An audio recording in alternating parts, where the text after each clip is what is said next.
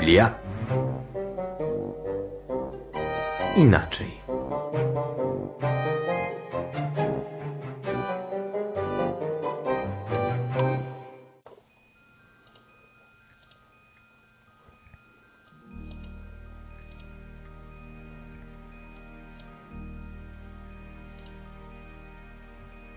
Dawno, dawno temu, w czasach, gdy ludzie potrafili się uśmiechać, miasteczka i wsie tętniły życiem.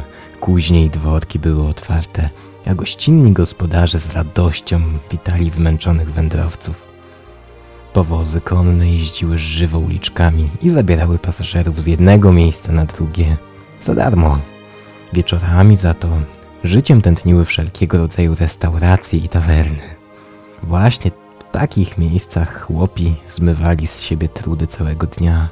Nastał jednak czas, który odwrócił do góry nogami spokojne dni, a upojne wieczory mieszkańców miasteczka Wet City zmienił w piekło.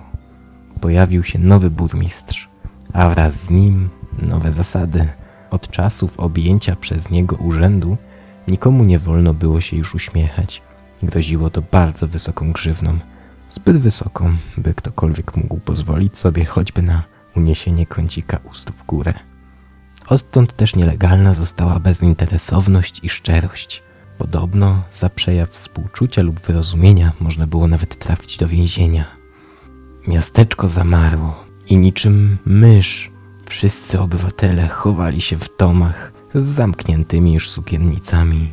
Na przestrzeni czasu miasteczko urosło do miana metropolii – a dziś już nikt nie pamięta czasów jego świetności.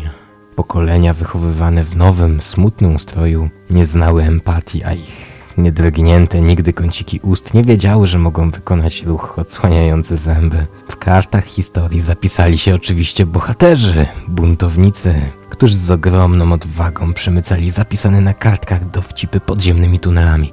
Ruch oporu rósł w siłę, lecz i tak w końcu został stłumiony a metropolię, nazywaną już mieniem Dry Towns, okrzyknięto ponurą, złą sławą. Z niej powstało państwo, a wraz z nim ponura konstytucja i smutne społeczeństwo.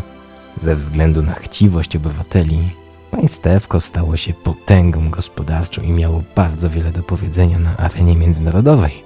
W ten sposób zszarzał cały świat, a porządek dawnej wesołej rzeczywistości – pamiętają tylko nieliczni wędrowcy, uważani dziś za wariatów. Woleli być uważani za szurniętych obłąkańców i cieszyć się z dawnego życia, niż podporządkować się nowym ponurym regułom. Byli bowiem bogaci o wspomnienia i potrafili przekazywać emocje. Sami twierdzili, że lepiej być wytykanym palcami niż szarym i smutnym numerkiem identyfikacyjnym. Koniec. Cześć. Słuchasz programu Biblia Inaczej? Który jest o życiu, a ja się nazywam Waldek Graban. To opowiadanie wymyśliłem pod wpływem, wbrew pozorom, całkiem udanego dnia na planie w pracy. Kręciłem film dokumentalny, no i cały dzień zdjęciowy nagrywałem przypadkowych ludzi na Starówce Gdańska. Wbrew moim oczekiwaniom, wszyscy byli dla mnie bardzo mili i rozmowni do bólu, jeśli wiecie, co mam na myśli. Najciekawszą rozmowę jednak przeprowadziłem ze starym rybakiem, który trochę opowiadał mi o historii miejsca, w którym się znajdowaliśmy, e, zwróciłem uwagę na to, że nie mówi o tym, jak kiedyś to wszystko wyglądało, co się tu robiło i co ile kosztowało. Mówił natomiast o ludziach, którzy przychodzili tam 50 lat temu, o ich zachowaniu, relacjach, zajęciach, wyglądzie, usposobieniu. To odwróciło moją wizję na film o 180 stopni. No i wizję na życie trochę też. E, kiedy stałem za kamerą i nagrywałem odpływający statek, podszedł jakiś facet i patrzał na mnie. Tak stał i patrzał.